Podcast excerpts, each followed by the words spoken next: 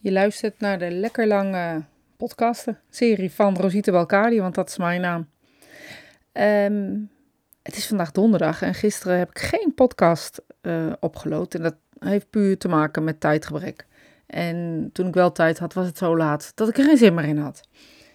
Uh, dus vandaar vandaag wel een podcast. En morgen ook geen één. Um, ik vind het niet leuk om ze van tevoren te maken, want dan gaat een beetje de, het gevoel weg uh, van wat het moet zijn. Dus ik doe het uh, deze week dus twee keer minder. En de reden dat ik het morgen niet doe, is puur werktechnisch gezien. En dat is ook belangrijk. Um, vandaag wilde ik het misschien wel daarover met je hebben. Met het feit dat we onszelf iets opleggen. Of vinden dat we iets moeten doen en ja, onszelf ook schuldig voelen daarachter. En eigenlijk een klein sprongetje uh, daarin maken. Uh, we vinden onszelf vaak nooit of niet goed genoeg.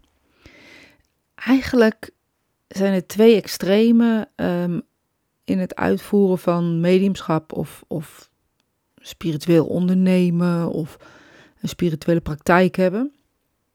Um, dat je op een gevoelsbasis, zeg maar, je bedrijf voert. Dus dat je, dan heb ik het niet per se over coaching, uh, maar sessies geeft als counseling, um, mediumschap, healing, uh, tarot.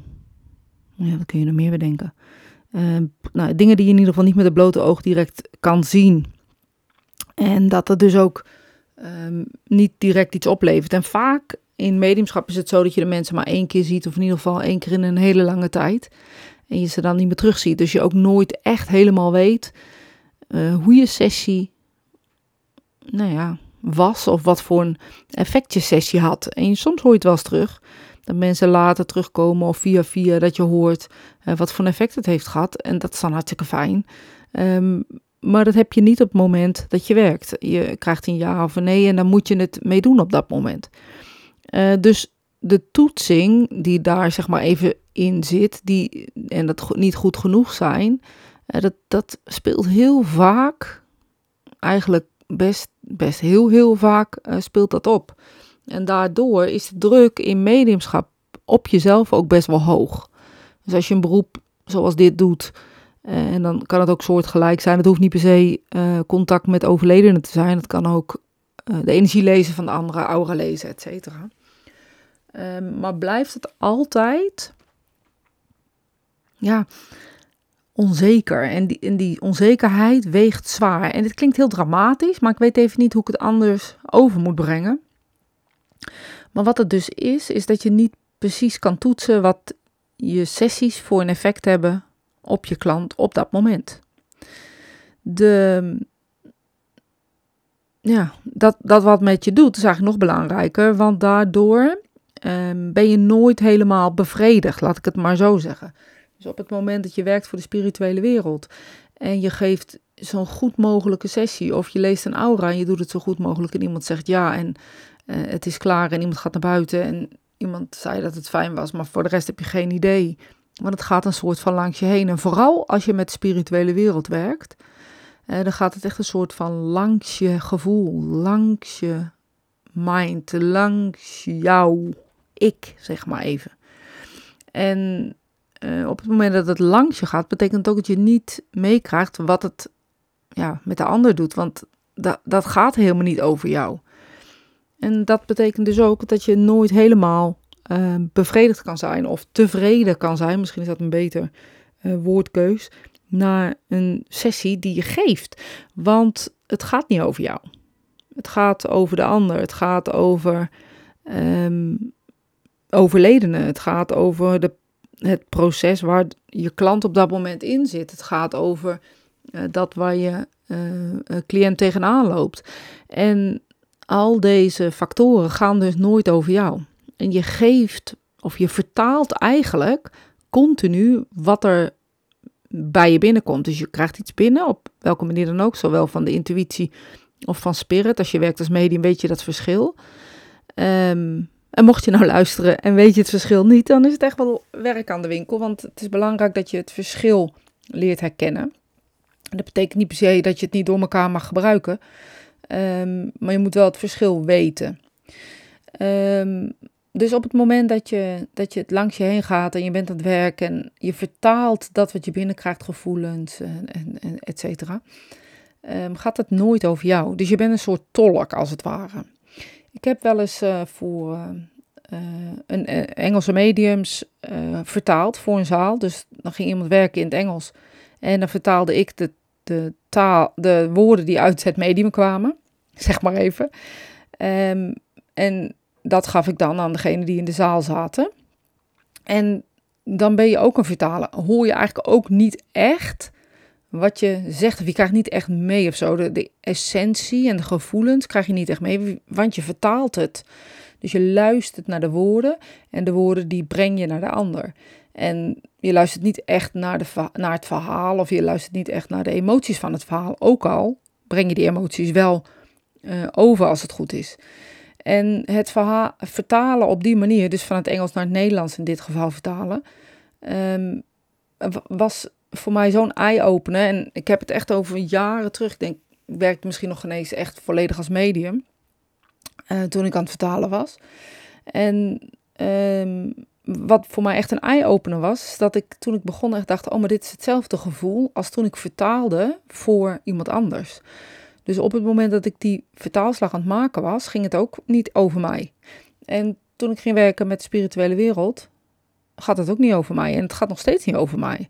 En de kunst is dus eh, om dat ook zo te laten. Maar dat ik-stuk, wat dus altijd onzeker is, want de ego is, die, die is gewoon snel onzeker, daar moeten we ook wat mee.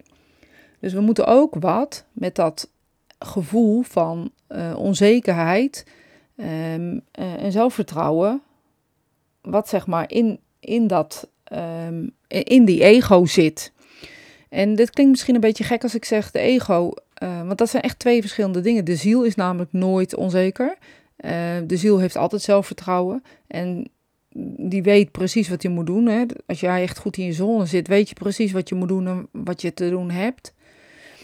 Uh, maar de ego, die, die is altijd onzeker of zo en op zoek naar bevestiging. En wil, die wil maar um, gehoord en gezien worden en, en, en bemoedigd worden en vertellen dat het uh, goed is of zo.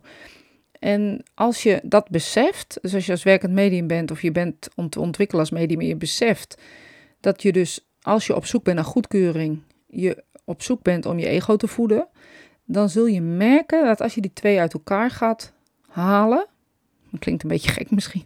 Ik heb zelf altijd gelijk een plaatje bij dit soort uh, beelden. Uh, of als ik dit vertel, heb ik dan gelijk plaatjes. Ik zie mezelf nou uh, mezelf uit elkaar halen met een stukje ego en een stukje ziel. Maar als je dus jezelf uh, uit, als je deze twee elementen dus uit elkaar haalt en dat je dus naar de ego en de ziel kijkt en je weet dat je werkt met je ziel, moet je ook vanuit die ziel um, een mening heb, hebben op je sessie en niet vanuit het ego. En dit is een valkuil uh, op alle vlakken. Want op het moment dat je vanuit je ego uh, de satisfying gevoel wil halen, dus dat tevreden, bevredigende gevoel wil halen, um, zul je merken dat je altijd op zoek gaat naar goedkeuring buitenaf. Dus je gaat mensen vragen: heb ik het wel goed gedaan? Vond je me goed genoeg? Um, uh, en, en die ego, die is onzeker. Dus je moet gaan leren dat die ego niet te bevredigen is. Dus die zal altijd blijven ja, streven naar goedkeuring. Altijd.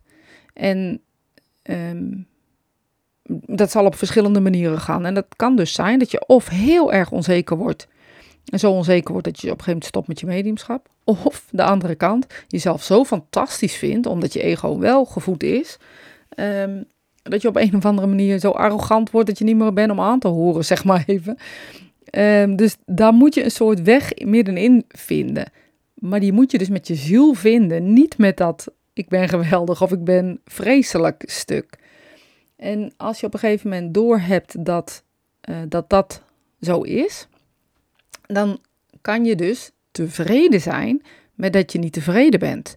En als jouw klant overal ja op hebt gezegd en jij weet echt wel of je goed gewerkt hebt, of je genoeg bewijs hebt geleverd zodat de ander weet, oh dit gaat over die of die, dan, dan weet je ik heb goed gewerkt. En dan kan het zijn tussen aanhalingstekens, dat je wat meer tevreden raakt over je sessies. Maar dan nog zul je nooit helemaal dat euforische gevoel hebben, wat je bijvoorbeeld had toen je dat aller, allereerste contact maakte. Dat alle, die aller, allereerste sessie gaf, of die eerste keer dat je energie gaf. Weet je, dat was fantastisch. Dat was een heel intens gevoel. Dat ging door alle vezels van je lijf, bijna door, door je hele zenuwstelsel heen. Dat was zo'n fijn gevoel. Dat komt nooit meer terug. Maar ja, eh, dat is wel met meer eerste dingen in het leven. En dat komt nooit meer op die manier uh, uh, terug. En dan heb ik het natuurlijk over bijvoorbeeld chocolaproeven of zo. Wat je nu denkt, dat, moet je nooit doen. Um, maar dat soort dingen, uh, ja, weet je, eerste keer van iets is altijd bijzonder. En of dat nou een bijzonder leuke ervaring is of een bijzonder stomme ervaring is, het blijft altijd een soort bij. En je blijft altijd streven naar dat weer te bereiken, naar dat gevoel of zo, waarin je echt kon voelen, ja, dit is het. En ja, helaas is dat met de spirituele wereld niet zo. Uh, als je daarmee werkt. Je, het gaat dus nooit over jou. Het gaat altijd over een ander. Het gaat altijd over diegene die tegenover je zit. En iemand in de spirituele wereld. In die combinatie. Je bent een medium. Dus je bent een tussenluik. Jij bent een doorgeefluik. En om jezelf dus ja, tevreden te houden of bevredigd te houden daarin. Is het belangrijk dat je dus een manier vindt waardoor je uh, je ego kan strelen op een manier die niet maakt dat je naar je schoenen gaat lopen.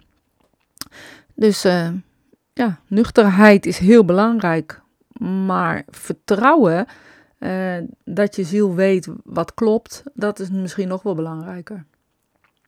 Dus onzekerheid blijft. Altijd in mediumschap. En dat betekent niet dat je niet weet dat je goed kan werken, want dat is die analyse die je moet maken continu op je werk. En dat je op een gegeven moment weet, oké, dit was goed of dit was niet goed, want dat kan gewoon. Je kan ook gewoon een keer niet goed zijn of niet goed genoeg. Ehm, maar niet continu alles wat je doet af gaan zitten zeiken, sorry voor mijn woordkeus, ehm, en het nooit goed genoeg vinden. Want als je om je uh, echt om je heen gaat kijken. En je bent echt al jaren aan het ontwikkelen. Je bent echt heel goed bezig. En je hebt al een paar keer uh, van, vanuit je teacher of wat dan ook gehoord. Van ja, wat je doet, dat, dat is gewoon goed. Um, en je blijft maar op zoek naar die, die eeuwige goedkeuring. Vraag je dus af, waarom wil je ziel zo gestreeld worden? Uh, excuses. Waarom wil je ego zo gestreeld worden? En op het moment dat je dus merkt dat je ego gestreeld moet worden, Zoek daar de achterliggende gedachte van. Want er is altijd iets achter waarom dat gebeurt. En um, kan zijn dat je jezelf niet goed genoeg vindt, dat je um, onzeker bent over wie jij bent. En daar moet je dan mee aan de slag. En dan zal je merken dat je mediumschap ook echt beter wordt. Ik heb echt een groot advies aan iedereen die dit heeft. Ga in de power zitten. Ga in je eigen power zitten, je eigen kracht en je eigen, ja, jouw um, levenskracht, om er even zo te zitten. Dat wat jouw ziel is. Ga daar met jouw liefde zitten. Met die power, met die kracht. En verbind jezelf dan met de wereld ongezien. En vraag gewoon aan de ongeziene wereld om je ziel um, te koesteren. Je ziel lief te hebben. En als het ware, uh, dan zullen de potenties vanuit je mediumschap uh, vanzelf beter worden of naar boven komen of meer naar boven komen. En dan zul je merken dat dat stemmetje, je ego, je papegaai noem ik hem altijd, um, op een gegeven moment wat rustiger wordt en aan de kant gaat, omdat de andere kracht, de liefde, je ziel, groter en sterker wordt en die gaat overheersen. Dus je krijgt meer zelfrespect, meer zelfinzichten, um, waardoor je gewoon ja, liever wordt voor jezelf, maar zeker ook liever wordt voor het leven aan zich. Want gaat mediumschap niet altijd over het leven? En uh, natuurlijk communiceren met de doden. Uh, maar het gaat over het leven en over de herinneringen die het leven heeft gegeven en die we samen hadden. En hoe we, hoeveel we van elkaar hielden. Dus wie weet is het een mooi moment om op het moment dat deze podcast stopt, even uit te reiken naar jouw geliefden in de spirituele wereld. En te voor te stellen hoe levend ze zijn. En dan naar jezelf uit te reiken en te zien hoe gezegend je bent dat je leeft. En dat je dit kan luisteren en dat we met elkaar zijn voor een moment in time. Dus bedankt voor het luisteren voor vandaag. En mocht je het leuk vinden om mee te praten, voel je vrij. Ik heb nog wel wat gesprekken op de planning staan, dus die zullen in de aankomende weken uh, gaan volgen. Ehm, met verschillende mensen en dat vind ik echt heel erg leuk. Nou ja, onderwerpen, uh, die kaart ik zo hier en daar uit, uit mijn dagelijkse leven aan. Uh, die vertaal ik vaak naar mediumschap of spiritualiteit. Want ja, weet je, spiritualiteit is voor mij, net als mediumschap, eerder een lifestyle als dat het een kunstje is. En um, vind je het nou leuk om met mij mee te praten, doe dat dan vooral. En morgen is er dus geen en uh, nou mocht je me erg missen, ik heb er nog 22 uh, uh, hiervoor staan, dus doe ze nog een keer overnieuw. Um, ik wens je een ontzettend fijne dag en met heel mijn hart. Um, het gaat over het leven, dus leef dit leven.